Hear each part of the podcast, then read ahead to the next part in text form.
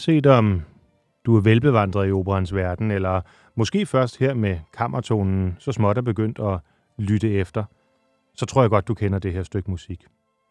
Det er, hvad man kalder for et vaskeægte hit. Og det er også så lækkert skrevet. Det stammer fra Mascagnes Cavalleria Rusticana, og er intermezzoet, det vil sige overgangen mellem de to scener i første akt.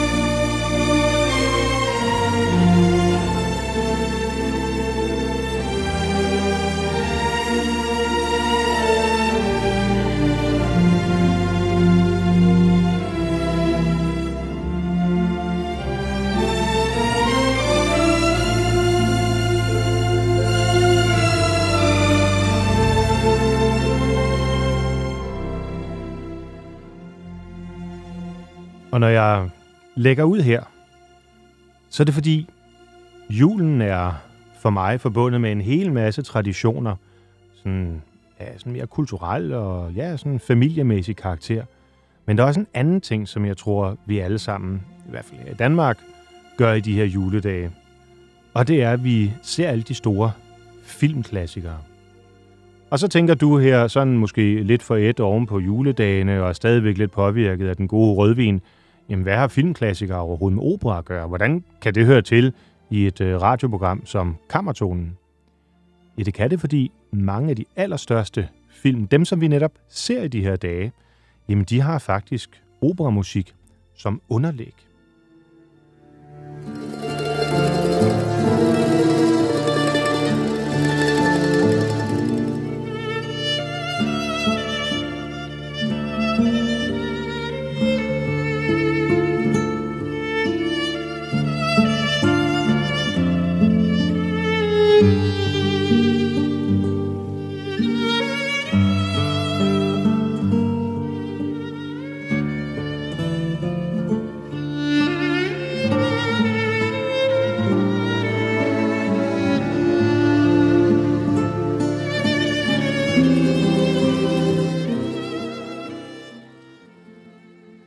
Godfather-familierne, de blev, filmene, de blev instrueret af Francis Ford Coppola, og jeg vil tillade mig at sige, at de skylder i hvert fald en del af deres succes til den smukke musik. Øh, til hovedsoundtracket, der valgte Coppola den italienske komponist Nino Rota, øh, som vist egentlig bedst er kendt for at lave øh, partiturer til Fellinis film. Men det her tema, det går jo lige i hjertet.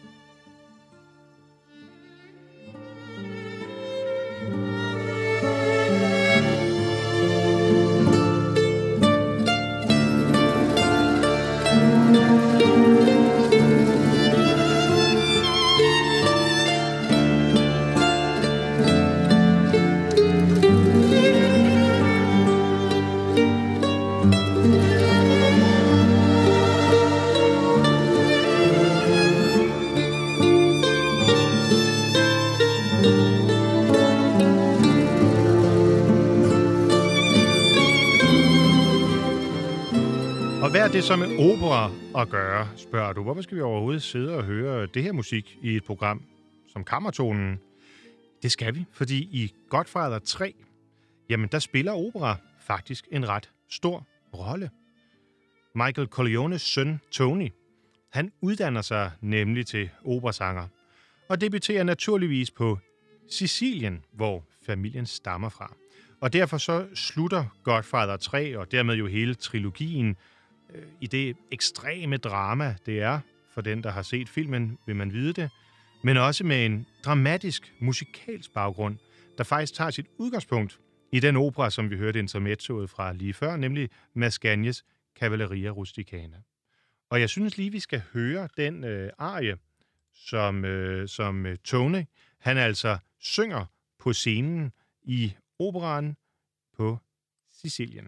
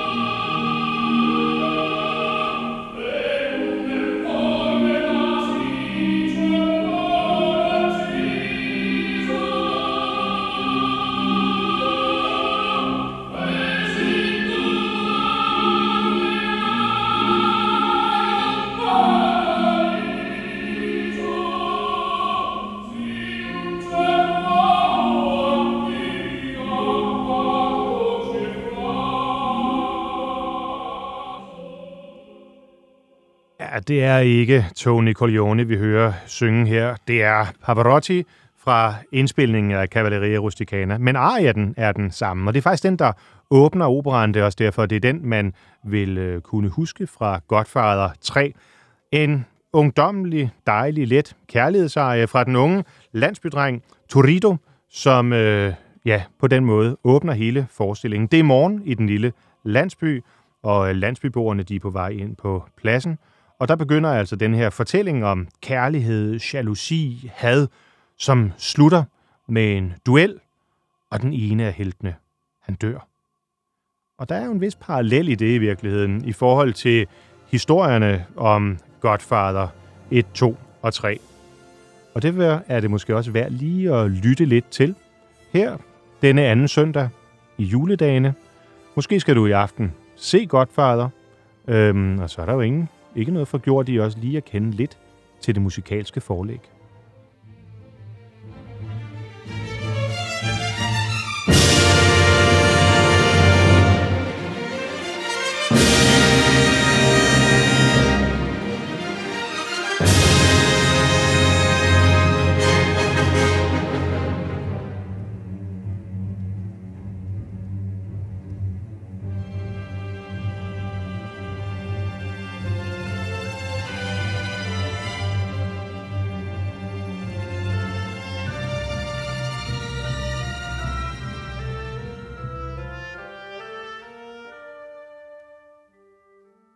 Siger pænt farvel til Pavarotti og ja, Mascagne, Cavalleria Rusticana og sådan set også Godfather her. Og øhm, kigger lidt på, hvad der ellers kunne være på tv-programmet, filmprogrammet. Eller rettere, lad os kigge lidt mere på, hvilke andre store klassikere inden for filmgenren, der har kigget og ja, måske snarere lyttet til øh, operagenren for at finde inspiration til øh, filmene. For det er faktisk ikke kun Godfather, som, øh, som øh, Francis Coppola har brugt øh, operamusik fra for at skabe en musikalsk fortælling. Jeg tror, der er mange derude, som øh, kan huske Apocalypse Now, Dommedag Nu, som øh, er en gruopvækkende fortælling om øh, Vietnamkrigen, øh, og vel nok bliver anset som, ja, jeg tror ikke, jeg tager munden for fuld, hvis jeg siger, en af de bedste krigsfilm, der nogensinde er øh, lavet nok primært med det formål at få folk til selvfølgelig at, at vende sig imod krig. Men i filmen her, der øh, følger vi øh, Special Forces Captain Benjamin I. Willards rejse igennem Vietnam. Øh, og i en af filmens allermest kendte scener, der vender Coppola så, eller bruger Coppola så Richard Wagners kendte motiv fra operaen Valkyrien. Eller man kan sige, han vender det faktisk. Richard Wagner, som øh, vi kommer til at dykke noget mere ned i i øh, kammertonen i det, i det nye år, han øh, skrev en meget, meget kendt og, hvad kan man sige, øh, mytisk, savnomspunden opera-cyklus bestående af fire episke fortællinger eller musikdramaer, som, øh, som øh, griber dybt ned i hele den, øh, den tyske selvforståelse, øh, saga og øh, musiske identitet. Øh, Wagner arbejdede på det i rigtig, rigtig mange år, 26 år tror jeg faktisk, fra 1848 til, til 74, inden den sidste opera var slut. Og det er en helt fantastisk fortælling om guder og helte, om øh, verdensherredømme og den fuldstændige undergang. I opera-cyklusen øh, øh her, som altså er på fire operaer i alt, jamen, øh, der har vi Valkyrien. Det er den anden af de fire øh, operaer. Og der vælger Coppola altså at øh, bruge det, der hedder Valkyrie-rittet, øh, som øh, Wagner skrev i 1851. Det, øh, jeg tror, du kender det, når vi spiller det øh, lige om lidt, det åbner tredje akt, hvor de otte Valkyrie søstre er samlet for at tage de døde helte med til Valhalla. Og man hører derfor valkyrierne hilse på hinanden og synge deres kampråb Hojo Choho. Coppola, han er ikke den eneste, der på den måde hørte krigen og angreb i Wagners musik.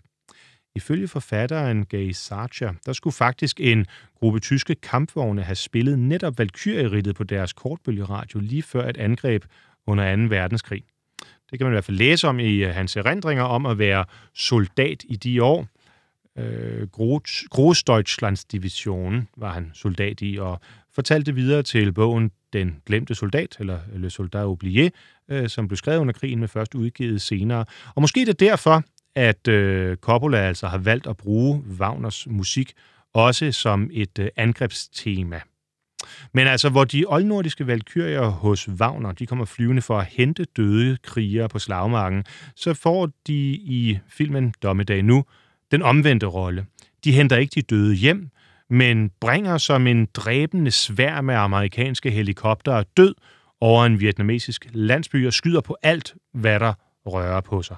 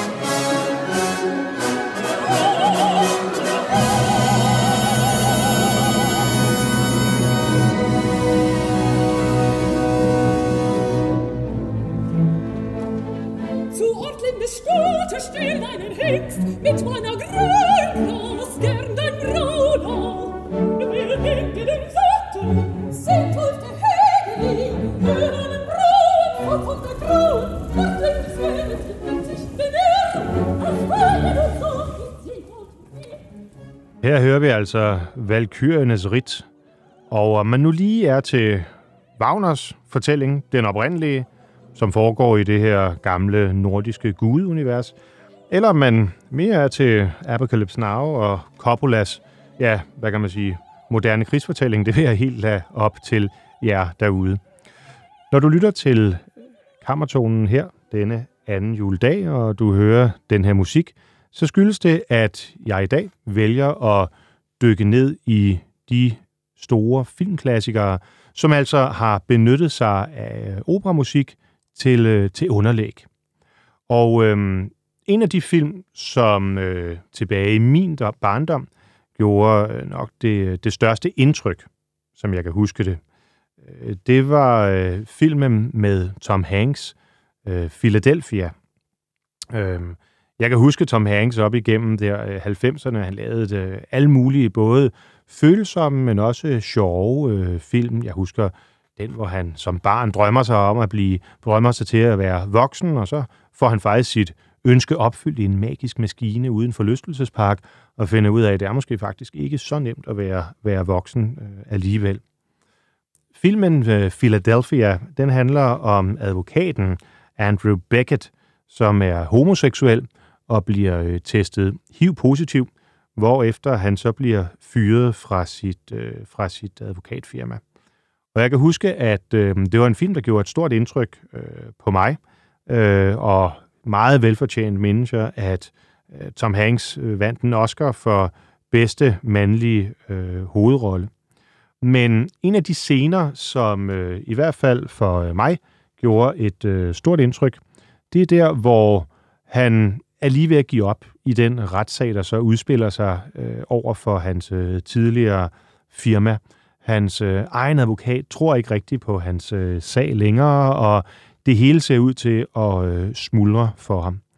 Og der sidder han virkelig, virkelig syg, elendig, ensom, sørgmodig på sammenbrudets rand, og lytter til en af de arier med en af de sopraner, hvis stemme og dermed også hvis musik måske allerbedst indeholder og indkapsler den følelse.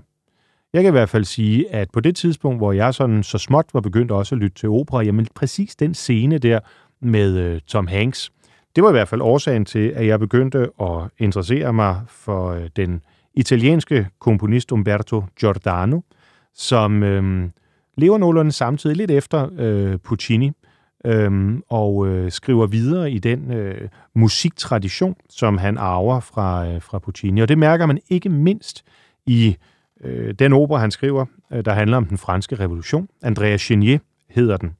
Og øh, der har vi en sopran i øh, tredje akt, som øh, synger den her arie, som altså Tom Hanks hører i øh, Philadelphia, La Mamma Morta, øh, der handler om, hvordan hendes mor blev myrdet, mens hun var lille og så på.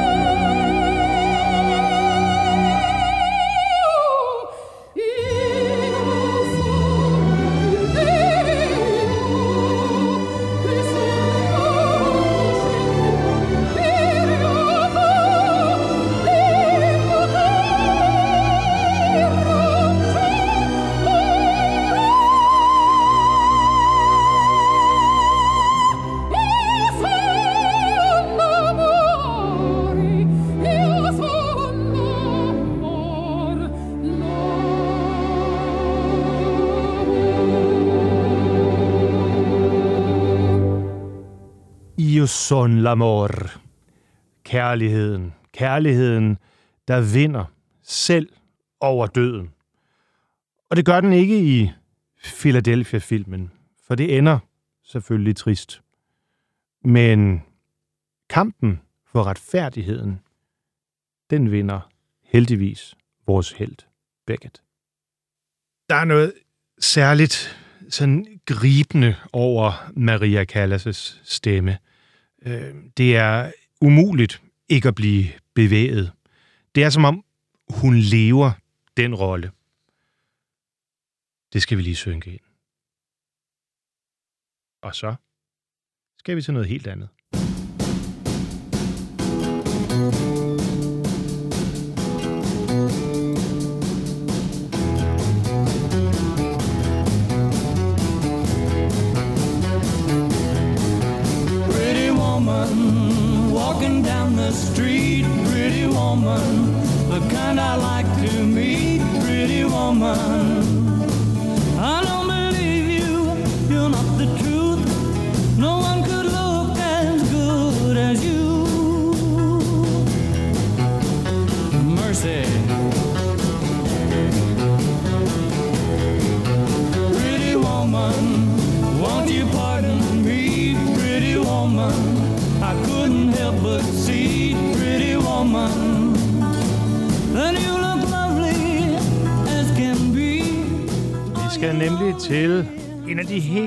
Filmklassikere, og må ikke også, man kan sige, juleklassikere, Pretty Woman. Jeg øh, er næsten overbevist om, at hvis man slår op på en af kanalerne, hvad end det Danmarks Radio er en de kommercielle her i julen, jamen, så må den være gået øh, hen over skærmen, i hvert fald jamen, multiple gange. Og vi kender den jo alle sammen. Historien om finansmanden Edward Lewis, der bliver spillet af Richard Gere, som ikke rigtig kan finde ud af det med kærligheden på vej øh, tilbage fra en øh, fest, hvor han heller ikke kan finde tilbage til sit hotel. Jamen, øh, der møder han den prostituerede Vivian, som bliver spillet af Julia Roberts. Og øh, ja, det ender selvfølgelig med, at hun tilbringer natten sammen med ham, og en stribe forviklinger fører frem til, at jamen, kærligheden igen, den vinder, og de forelsker sig med hinanden, og de bliver et par. I operahistorien, der er der faktisk en fortælling, som minder bare en lille smule om, ja, Pretty Woman, som vi hører med Roy Orbison her. Og det går faktisk længere tilbage end operahistorien, for øh, den franske forfatter Alexandre Dumas, han skrev i 1848, det der i dag må siges at være noget af en klassiker, nemlig den om Kameliadamen. Og øhm, den læste Giuseppe Verdi, vores gamle ven, som øh, der er den store italienske operakomponist, og tænkte, det der, det kan jeg lave lækker musik ud af. Og det gjorde han så. Han skrev nemlig om den faldende dame, kameliadamen, og det hedder på italiensk La Traviata. Verdis, en, en af Verdis helt store operer, som altså handler om denne kvinde, også en, ja, man kan vel godt sige en prostitueret, en falden kvinde, som i det parisiske selskabsliv møder sin helt store kærlighed, Armand, men ikke kan få ham, fordi moralen i samtiden selvfølgelig gør, at der er simpelthen for store forskelle. Kærligheden, den kan ikke undertrykkes. Og sådan er det også i Pretty Woman, hvor jeg tror rigtig mange husker en af de sidste scener, hvor netop de her to fortællinger, de smelter sammen. Fordi Richard Gere, eller Edward Lewis, som han hedder i familien, han inviterer selvfølgelig Vivian i operan. Og lur mig, om det er et tilfælde. Det tror jeg ikke, det er. At den opera, som de netop skal se den aften, jamen det er selvfølgelig La Traviata.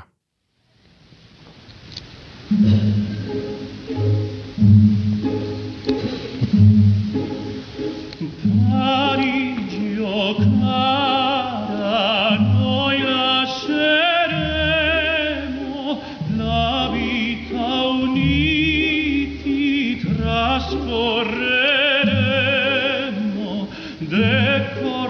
a.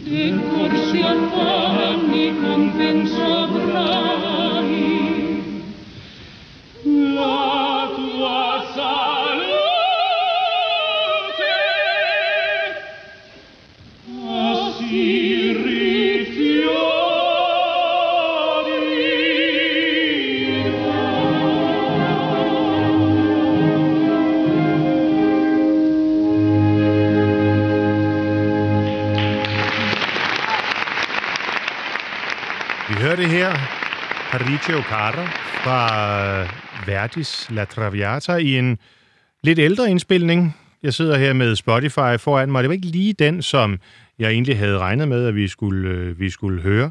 Øhm, men øh, tydeligvis en liveoptagelse. Øhm, og ifølge mekanikken her foran mig, ja, så var det med Cesar Belda og Orchestra Sinfonica Camartin. Det vil sige, det var måske ikke den bedste indspilning, som øh, jeg har hørt af Verdis La Traviata, men øh, det er jul, så skal vi ikke lade det hele fare.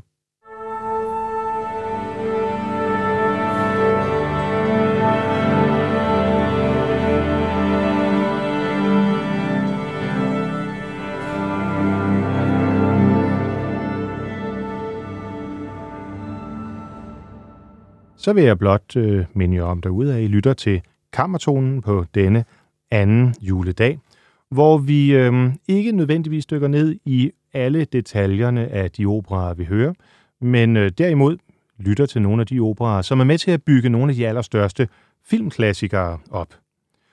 Og øh, jeg er nødt til at tage fat i endnu en af mine egne absolute favoritfilm, som jeg kan se igen og igen, både fordi øh, fortællingen er så gribende, også på grund af skuespillerpræstationerne, øh, øhm, og så også måske lige på grund af den scene, der er, hvor øh, en af Mozarts duetter spiller en meget rørende, bevægende øh, rolle. Og det er i øh, filmen En verden udenfor. Den handler om revisoren Andy, som øh, er røget i fængsel. Og øh, her finder han ud af, at øh, i det hårde miljø, øh, Øh, både over for medfangerne, men øh, jeg vil sige i særdeleshed i forhold til øh, fangevogterne og ja, især jo øh, chefen, øh, der finder han en måde, hvor han ligesom kan øh, fedte sig igennem og løbende få stadig flere privilegier. Øhm, og det er han rigtig god til, fordi det viser sig, at øh, fængselsdirektøren, han er bundkorrupt, og hvis der er noget, han har brug for, jamen så er det en dygtig øh, revisor. Og øh, Andy, øh, han øh, kommer langsomt til derfor at gøre flere og flere tjenester for, øh, for direktøren, og øh, ender selvfølgelig med, og nu ødelægger jeg lidt øh, plottet her, fortæller, hvordan det hele ender, men ender faktisk med at sende fængselsdirektøren i fængsel, fordi det viser sig, at han er korrupt, og ja, det er netop det, som vores revisor øh, kan, kan afsløre, fordi han har fået adgang til alle øh, regnskaberne. Andy der, han spilles af Tim Robbins, og øh, på et tidspunkt i filmen, hvor han har fået øh, opbygget en rigtig, rigtig god øh, tillid, jamen øh, der øh, bliver han lukket øh, ind på chefens kontor, øh, fordi det er derinde alle regnskaberne øh, de, de er, og det er dem, han skal sidde og gennemgå. Men der er andet end regnskaber inde på det kontor. Der er også højtaleren, hvor man kan give beskeder, øh, kommandoer ud til hele fængslet og til dets øh, indsatte. Men man kan jo også øh, bruge øh, sådan en højtaler til noget andet, og det er præcis det, Andy gør. Han spiller nemlig det her for sine medfanger.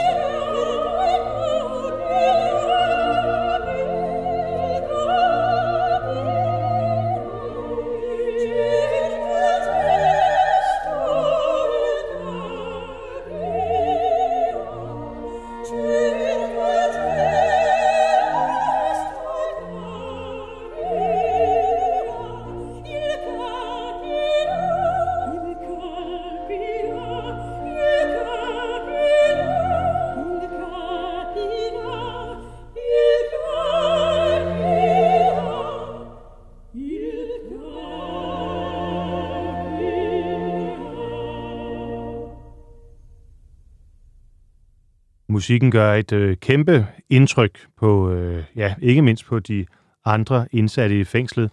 Og øh, Morgan Freeman, som øh, spiller kammeraten Red, han siger noget i retning af det her, nu er det min egen øh, oversættelse. Jeg aner ikke, hvad de to italienske damer, de sang om, men det må være noget, der er smukkere end ord, kan udtrykke. Og det synes jeg ærligt talt er ganske svært at være uenig i. Mozarts musik er øh, på den ene side meget øh, enkel og tilgængelig. Øhm, nogen vil måske endda sige helt ukompliceret. Altså bare hør øh, musikken her, som øh, er en obo, en fagot og strygerne. Der er ikke meget fekumdik, så at sige. På den anden side, så rummer Mozart så utrolig mange følelser. Vi har her at gøre med, som sagt, en duettino, øh, altså en kort duet fra, øh, fra øh, Mozarts øh, Figaro's bryllup. Øhm, det er en af de operer i, af Mozart, som øh, Da Ponte har skrevet øh, teksten til. Og det, der sådan helt øh, kort fortalt sker her, ja, det er, at øh, grevinden Almaviva, hun dikterer et brev til Susanna, som øh, skal sendes afsted til øh, hendes mand for øh, at afsløre hans utroskab. Og det er jo imponerende, at et så egentlig dramatisk øjeblik kan blive indeholdt i så elegante toner. Lad os lige prøve at høre en gang til.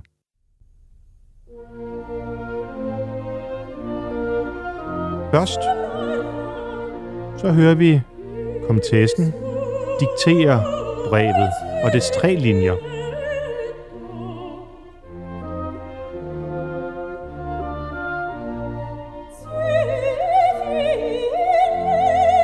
Susanna skriver ned.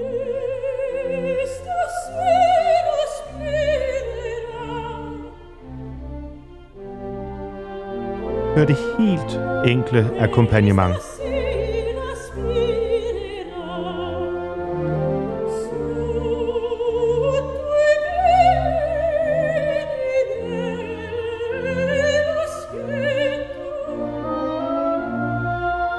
Læserne lægger op til stemmerne, og strygerne, de følger bare et svagt akkompagnement.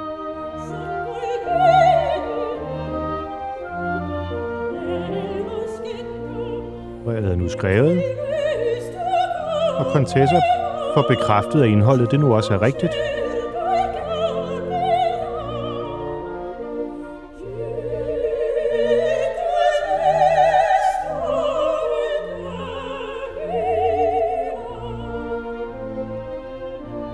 Og Susanne læser op med skiftende linjer med små overlap mellem de to.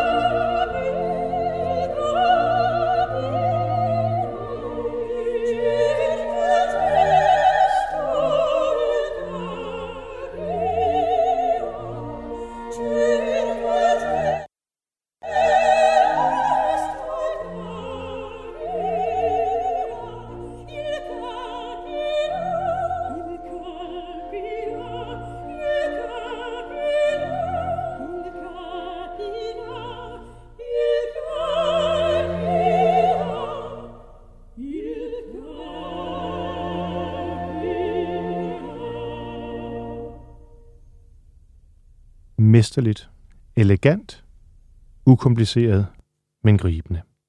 Det er Mozart.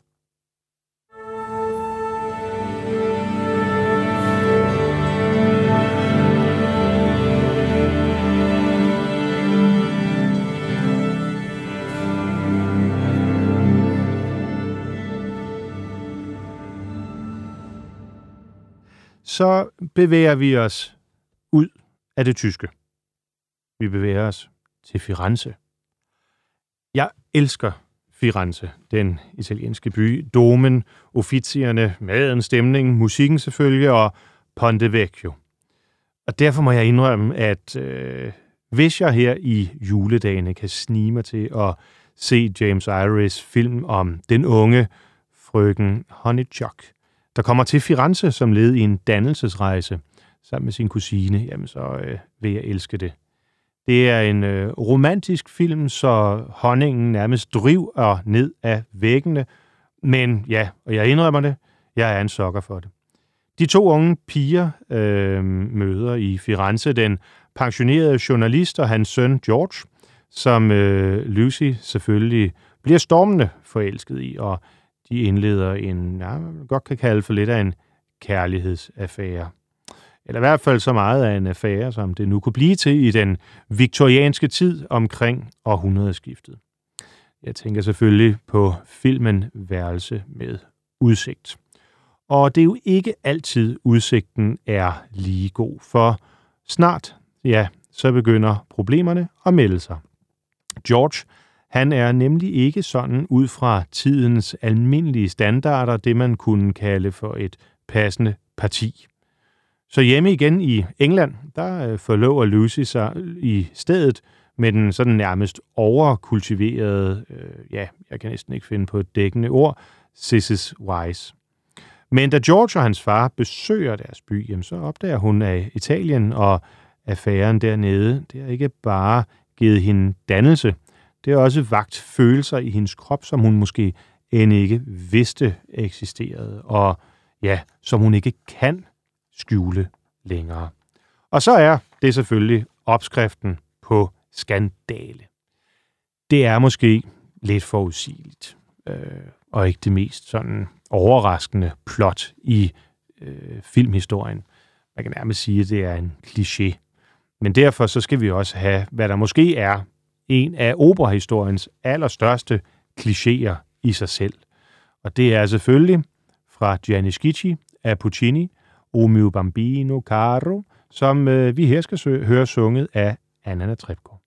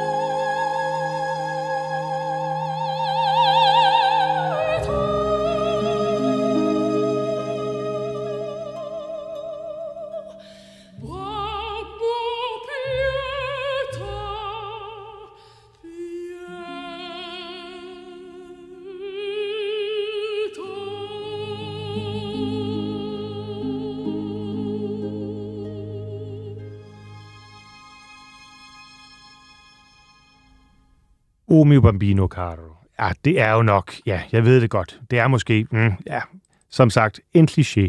Men det er stadigvæk bare så lækkert. Det er Puccini. Og hvornår er Puccini ikke god? Arien her, som jeg tror, de fleste kender, lidt ligesom intermezzoet fra Cavalleria Rusticana, jamen øhm, det øh, stammer fra en enakter af Puccini, kaldet Gianni Schicchi. Øhm, og vi hører en datter, som bare bønfalder sin far om at give hende lov til at gifte sig med sin elskede. Og hvis han skulle nægte, ja, så truer hun med at ville kaste sig ud fra den gamle bro ved Arnofloden og simpelthen tage livet af sig. Det er et dramatisk øjeblik i den ellers komiske opera, hvor den grådige familie er samlet om, samlet om Bursos dødsleje for at regne til sig så stor en del af arven, som det overhovedet er muligt. De kan overhovedet blive enige. Manden er ikke engang død endnu, og så står de og diskuterer, hvem der nu skal arve hvad, og selvfølgelig prøver at snyde hinanden mest muligt. Men der kommer datteren renfærdig altså ind i lokalet, og det eneste, hun beder om, det er at få lov til at gifte sig med sin elskede. Ah, det kan vi da godt tåle at høre her i julen. Det, der er lidt ærgerligt ved Janis Giki, det er, at den her arie på en eller anden måde er kommet til at overstråle alle de andre skønne stykker musik, som rent faktisk er i operaen. For sagen er den, at netop da familiemedlemmerne ikke kan blive enige om, hvordan de skal øh, komme udenom øh, den døende fars sidste vilje, så øh, kigger de på hinanden og siger, er der ikke en eller anden derude, et faktotum eller noget, som kan hjælpe os med at øh, få de her ting bragt i orden? Så de tilkalder netop Janis Giki, som altså operaen er, øh, er opkaldt efter. Og han ender faktisk med at fuppe dem alle sammen. På nær datteren, som ender med at få sin elskede. Så skal vi ikke lige høre med Placido Domingo den arie, hvor, øh, hvor øh, Skiki han øh, præsenterer sig selv. Firenze con un albero fiorito che in piazza dei signori a tronco e muore la alici forza nuove apportano dalle convalli limpide e feconde